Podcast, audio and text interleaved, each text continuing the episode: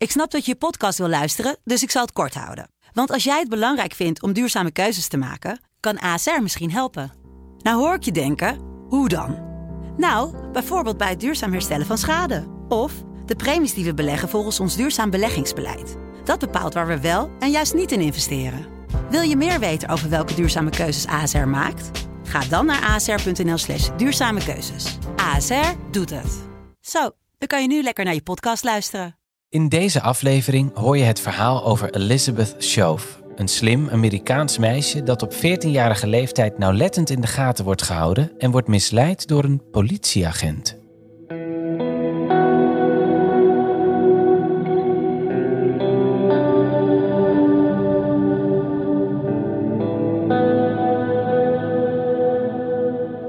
Dit is de podcast Ontvoerd. Ik ben Maya Noordam en hier tegenover mij zit Kevin van den Berg. Iedere week duiken wij in een verbazingwekkende ontvoeringszaak die wereldwijd voor opschudding heeft gezorgd. Dit is Ontvoerd, aflevering 20, Ondergronds.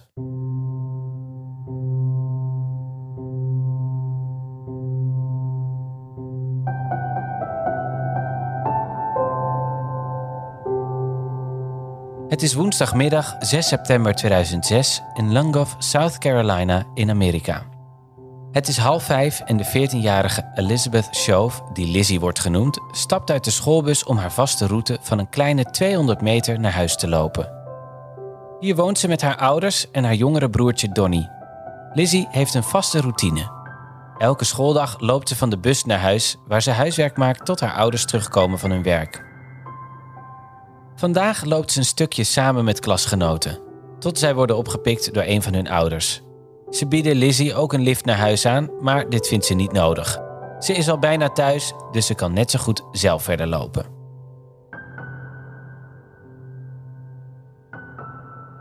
Lizzie heeft alleen geen idee dat ze in de gaten wordt gehouden. Als ze bijna bij de voordeur is, wordt ze aangesproken door een man met camouflagekleren aan. Hij vertelt haar dat hij een politieagent is. Zijn kleding lijkt een beetje op dat van militairen en Lizzie ziet dat hij een t-shirt draagt met daarop het plaatje van de badge van een sheriff. De man zegt dat hij met haar moet praten. Lizzie voelt zich niet helemaal op haar gemak, maar staat hem te woord omdat hij heeft aangegeven een politieman te zijn. Hij vertelt haar dat hij haar moet arresteren omdat er marihuana in haar huis is gevonden. Ook haar broertje Donnie zit in voorarrest op het politiebureau.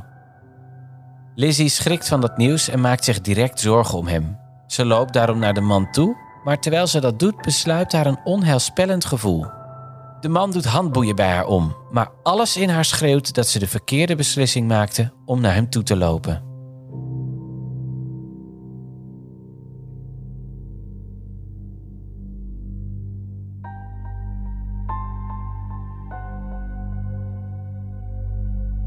En dat gevoel is terecht. De man is geen politieagent, maar de werkloze 36-jarige Vincent Velia, die al sinds november wordt gezocht door de politie in verband met het seksueel misbruik van een 12-jarig meisje. Velia sliep bij de moeder van het meisje in bed, maar sloop weg om haar dochter wakker te maken uit haar slaap. Hij dreigde om haar moeder iets aan te doen als ze een geluid maakte en leidde haar naar een andere kamer. Hier misbruikte hij haar en verdween. Niemand in de gemeenschap van Lungoff is echter op de hoogte van de mogelijkheid dat hij in de buurt is en het arrestatiebevel dat tegen hem uitstaat. De politie heeft hem al die tijd maar niet kunnen vinden. Viljo is namelijk ook een zogeheten survivalist, iemand die heel lang kan overleven in het wild, in de bossen van Lungoff in dit geval. Om uit handen van de politie te blijven creëerde hij een ondergronds tunnelnetwerk in het bos onder zijn staakerven. Hij koos er echter niet voor om zich te blijven verstoppen. Zijn driften en impulsen werden zo groot dat hij besloot om een meisje mee te nemen. Heeft Lizzie al een paar dagen bekeken wanneer ze uit school kwam en uitgevogeld wat haar gewoontes waren. Hij is geobsedeerd door haar geraakt en vandaag is de dag dat hij haar meeneemt.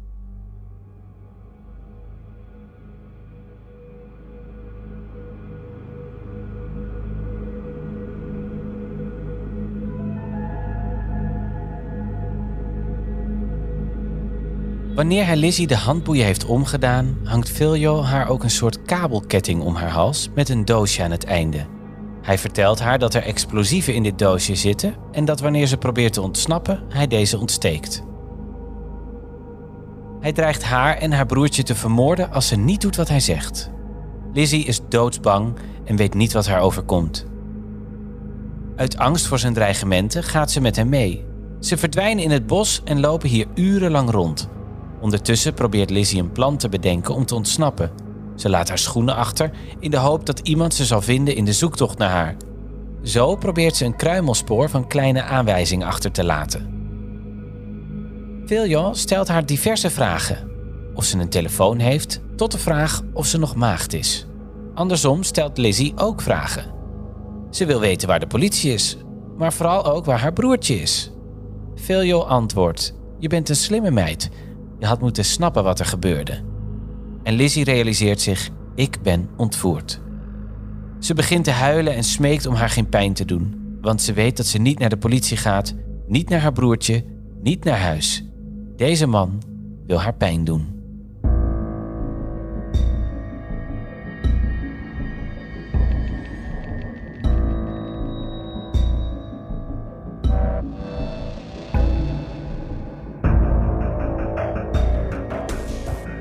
Vilja loopt met haar rondjes om haar te desoriënteren, maar uiteindelijk eindigen ze op slechts een paar kilometer van haar huis. Hij leidt haar naar een ondergrondse bunker, een van de bunkers die hij zelf met een schep heeft uitgegraven. De bunker ligt 4,5 meter onder de grond en is ruim een meter breed, 6 meter lang en ruim 2 meter hoog. Hierbovenop ligt een plank die als een soort deur in de vorm van een klep fungeert. Deze is van buitenaf niet te zien door de hoeveelheid bladeren die er overheen liggen. De ingang naar de bunker is zo helemaal verborgen. Lissy volgt hem een laddertje af en kijkt om zich heen. Viljo heeft de bunker duidelijk ingericht voor een langer verblijf. Hij heeft een wc gemaakt, een bed en planken. Er is een klein fornuisje met een soort afzuiger en er liggen kleren. Het staat vol met eten en er is watertoevoer vanuit een put. Maar naast alle praktische zaken om te overleven ziet ze ook een taser, pistolen, twee zelfgemaakte granaten, sigaretten en heel veel pornografie. Viljo kleedt Lizzie uit en doet een grote ketting om haar nek. Ze is zijn bezit.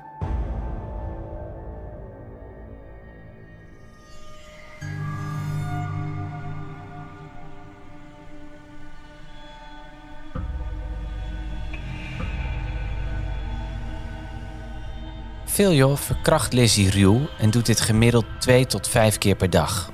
Ook wordt ze gemarteld en het meisje heeft geen idee of ze doodgaat of blijft leven. Elke dag bestaat uit wakker worden, misbruikt en mishandeld worden en weer slapen. Ook schreeuwt hij constant tegen haar, terwijl Lizzie braaf alles doet wat hij zegt. Villian zorgt ervoor dat Lizzie altijd het doosje met explosieven om haar nek heeft hangen. Hij zegt: Als je ontsnapt, dan ontsteek ik het zodat ze tot explosie komen. Ook vertelt hij haar dat er overal rondom de bunker explosieven en booby traps staan. Als ze ontsnapt of iemand haar komt redden, dan komen deze tot ontploffing. Wat ze ook doet, er is geen kans op ontsnapping. Lizzie is bang voor zichzelf, maar nog meer voor de mensen die haar willen redden en beschermen. Ze voelt de verantwoordelijkheid om juist hen te beschermen.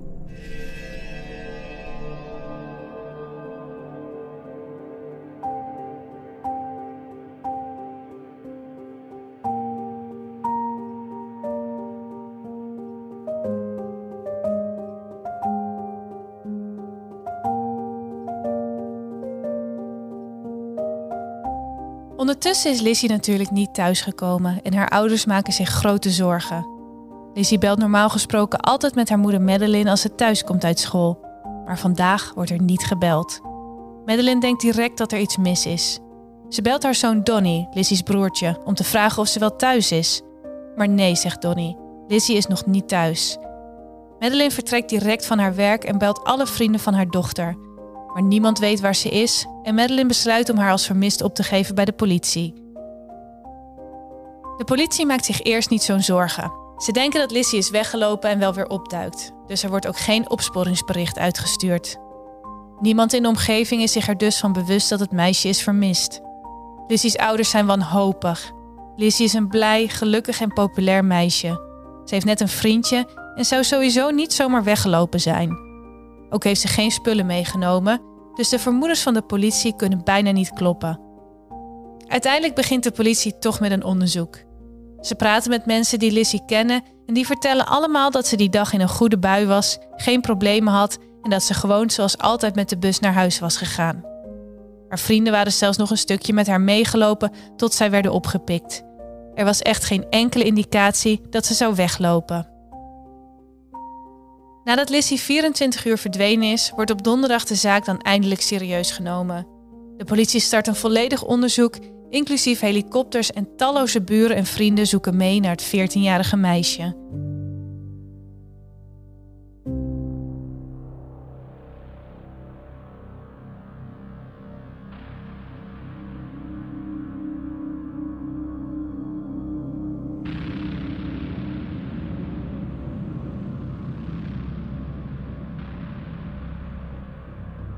Ondertussen zit Lizzie nog altijd bij Filion in de bunker.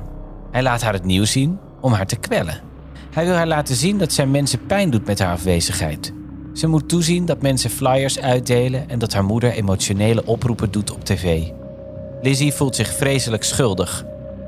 De laatste keer dat ze haar moeder sprak, hadden ze geen ruzie, maar Lizzie vindt dat ze niet lief genoeg was geweest. Ze wil niets liever dan sorry zeggen. Filio voelt zich de poppenspeler van de situatie en daar raakt hij opgewonden van. Het wordt zaterdag, de derde dag van Lizzie's gevangenschap. Filio en Lizzie horen helikopters boven hun hoofd en snappen dat de zoektocht naar Lizzie in volle gang is. Voor Lizzie symboliseert het geluid hoop. Ze nemen het serieus, ze zoeken naar mij. Ook hoort ze voetstappen in het bos en ze ziet schaduwen van de mensen die haar zoeken. Ze lopen zelfs over de klep van de bunker. Maar Filio zegt: Als je een geluid maakt, dan vermoord ik je. Lizzie is doodsbang en blijft stil. Op een avond ligt Filio te slapen wanneer Lizzie naar hem toesluipt en heel voorzichtig zijn pistool pakt. Ze zet het tegen zijn hoofd en haalt de trekker over. Maar het pistool blokkeert. Er wordt dus geen kogel afgeschoten. Wonder boven wonder wordt Filjon niet wakker en hij ontdekt dus niet wat er is gebeurd.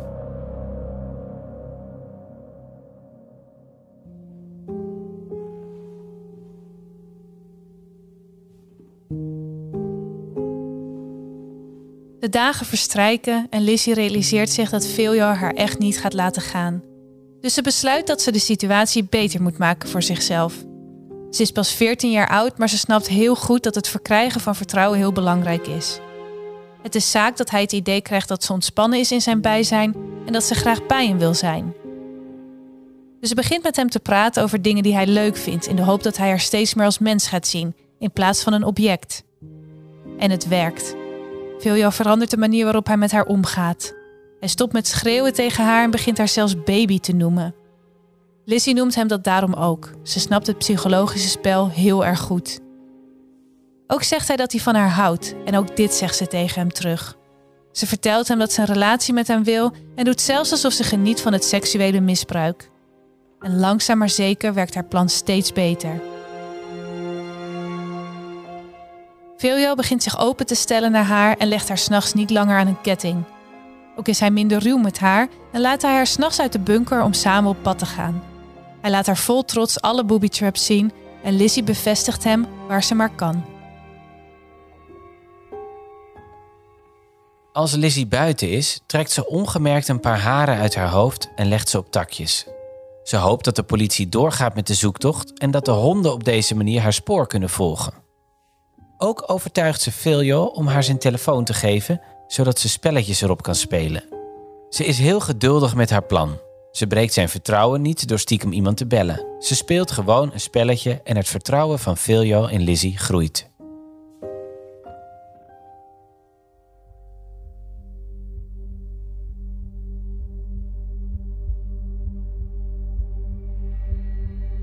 Het wordt woensdag, de zevende dag van haar gevangenschap.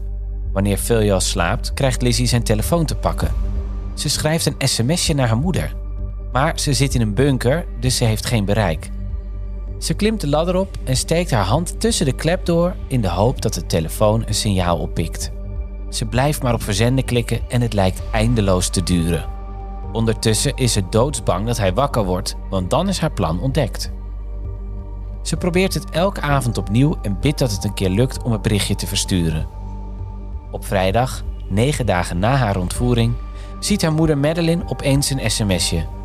Mam, het is Lizzie. Ik zit in een gat in de grond, vlakbij Charmhill, vlakbij die zandweg waar die grote trucks in en uitrijden.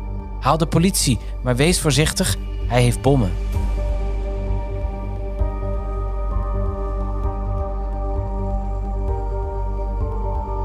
Madeline herkent het nummer niet, maar ze weet dat het berichtje van Lizzie komt.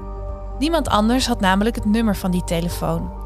Madeline is natuurlijk heel blij om iets van haar te horen en dat ze nog leeft. Tegelijkertijd is het doodsbang nu ze weet onder welke omstandigheden haar dochter wordt vastgehouden. Ze informeert direct de politie over het sms'je. De rechercheur denkt eerst dat het een hoax is, maar wanneer ze het bericht traceren ontdekken ze dat het telefoonnummer van Vincent Veljal is, een bekend roofdier dat gezocht wordt. De politie onderzoekt de locatie van de telefoon, waar de telefoonmast staat en waar het signaal precies vandaan komt. De ex-vriendin van Veljal brengt ze vervolgens naar de bunkers waarvan zij nog weet dat hij ze heeft gebouwd.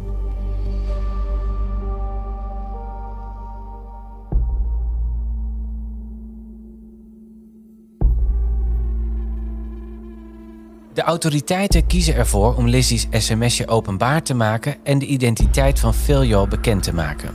Hier kwam direct, maar ook later, veel commentaar op. Door bekend te maken dat ze hem op het spoor waren en dat er een sms'je met informatie binnen was gekomen, laten ze een gevaarlijke man weten dat het meisje in zijn gevangenschap hem verraden heeft. Lizzie ziet de berichtgeving op het nieuws ook en realiseert zich wat er kan gebeuren. Philjo ziet zijn eigen gezicht op het nieuws, hoort zijn naam en hoort de helikopters. Hij is woest. Hij beschuldigt Lizzie dat ze de politie heeft gewaarschuwd, maar ze ontkent dit volledig. Ze zegt dat ze van hem houdt en dat ze hem nooit zou verraden. Hij wil haar geloven en is doodsbang dat hij gepakt wordt. Door de acties van Lizzie is Philjo haar gaan zien als zijn beschermer.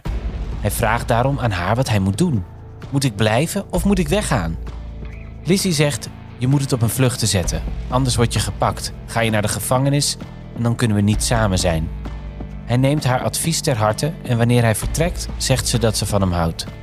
Dan verdwijnt hij de ladder op, de klep door en het bos in. Lizzie weet echter niet zeker of hij echt is weggegaan. Misschien is het wel een test. Dus ze blijft wachten en neemt geen enkel risico. Ze valt in slaap en wanneer ze wakker wordt, is de volgende dag aangebroken. Vilja is nergens te bekennen. Ze realiseert zich dat hij misschien wel echt weg is en klimt de ladder op naar de klep die ze opent. Ze voelt de frisse wind en het licht op haar gezicht en geniet van het moment. Maar tegelijkertijd is ze doodsbang voor de booby traps waarvan ze weet dat ze er zijn. Ze rent dus niet weg, maar roept om hulp. Het blijft stil. Ze blijft roepen en roepen tot op een gegeven moment iemand terugroept. Het zijn politieagenten die haar eindelijk hebben gevonden. Lizzie wordt naar een medisch centrum gebracht om haar te onderzoeken en haar met name tot rust te laten komen. Natuurlijk wordt ze ook diezelfde dag nog herenigd met haar ouders.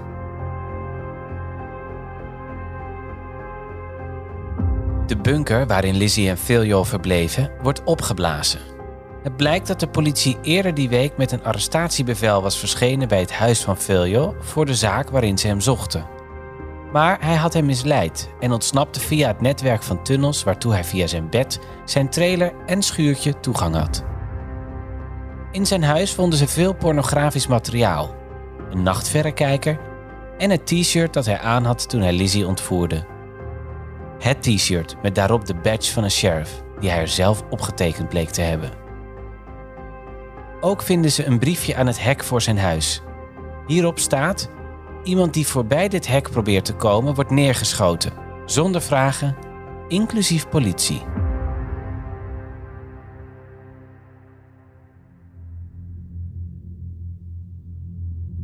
Ondertussen was Viljan natuurlijk op de vlucht. Er werd dan ook een grote zoektocht op poten gezet met helikopters, veel rechercheurs en honden. Tijdens de zoektocht ontdekken ze andere ondergrondse bunkers. Het blijkt dat hij er nog drie zelf had gebouwd. Ze denken dat hij niet ver kan zijn gekomen en er wordt een beloning van 5000 dollar uitgereikt voor informatie over zijn verblijfplaats. Op 17 september neemt een vrouw om twee uur s'nachts contact op met de politie. Ze verklaart dat de man probeerde haar auto te stelen bij een pizzarestaurant. Ze denkt dat ze hem heeft herkend van het nieuws. Het is volgens haar Vincent Veljal. Hij had een groot mes aan zijn riem hangen en zei dat ze moest uitstappen en dat hij haar auto mee zou nemen. Maar hij heeft een verkeerde aan de vrouw. Zij zegt: Jij neemt mijn auto niet mee. Het interesseert me niet dat je een mes hebt, je krijgt mijn auto niet. Daarop verdween de man zonder zijn wapen te gebruiken. De politie vervolgt de zoektocht en lokaliseert de man binnen een paar uur. Het blijkt Vincent Veljal te zijn. Ze vinden hem rennend langs de snelweg zonder schoenen aan. Hij is wel gewapend met pistolen, een taser en een jachtmes. Maar hij gebruikt zijn wapens niet, verzet zich niet en geeft zich direct over. Maar vanaf het moment dat hij wordt gearresteerd ontkent hij alle aanklachten. Hij zegt dat de waarheid nog wel naar boven komt.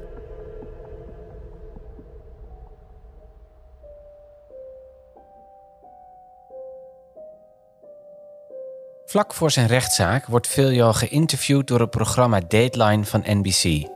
Hierin vertelt hij dat Lizzie geen slachtoffer was en dat ze elk moment dat ze wilde naar huis had kunnen gaan. Hij noemt haar een wild persoon en beweert dat ze het zelf ook wilde. Vanwege dit interview en de andere media-aandacht moet de rechtszaak worden verplaatst naar een locatie veel verderop in het land. Het risico bestaat namelijk dat de jury anders te veel beïnvloed is. Vlak voordat de rechtszaak daadwerkelijk begint, pleit Velja schuldig op de aanklachten voor ontvoering en het naspelen van een politieagent. Hij vertelt dat hij Lizzie ontvoerde uit wraak op de politie. Ze hadden hem namelijk vals beschuldigd van een seksmisdrijf, vond hij. Op 19 september 2007 doet de rechter uitspraak in de zaak. Hij zegt dat de acties van Veljo onvergeeflijk zijn. Lizzie is aanwezig in de rechtszaak, maar praat zelf niet. Wel geeft ze een schriftelijke verklaring die wordt voorgelezen door haar advocaat. Ze vraagt hierin om een veroordeling, zodat hij niemand anders kan aandoen wat hij haar heeft aangedaan.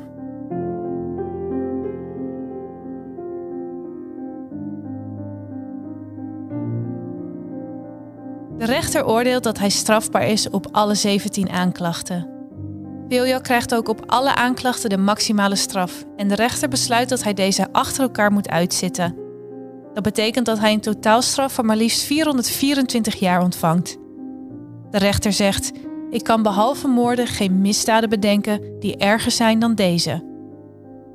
Op 30 mei 2021, na 14 jaar gevangenisstraf, wordt hij doodgevonden in zijn cel. Hij is 51 jaar oud geworden. Er zijn geen details vrijgegeven over de doodsoorzaak, behalve dat er geen sprake was van moord. Na haar ontsnapping weigert Lizzie om zich tegen te laten houden door wat haar is gebeurd. Ze ziet zichzelf als overlever, niet als slachtoffer. Ze wordt tandartsassistente en wordt spreker, waarbij ze praat over de overlevingskracht van mensen. Ook geeft ze voorlichting aan ouders over de risico's voor hun kinderen en hoe ze deze kunnen minimaliseren. Een detective zegt later: Wij hebben haar niet gered, Lizzie heeft zichzelf gered.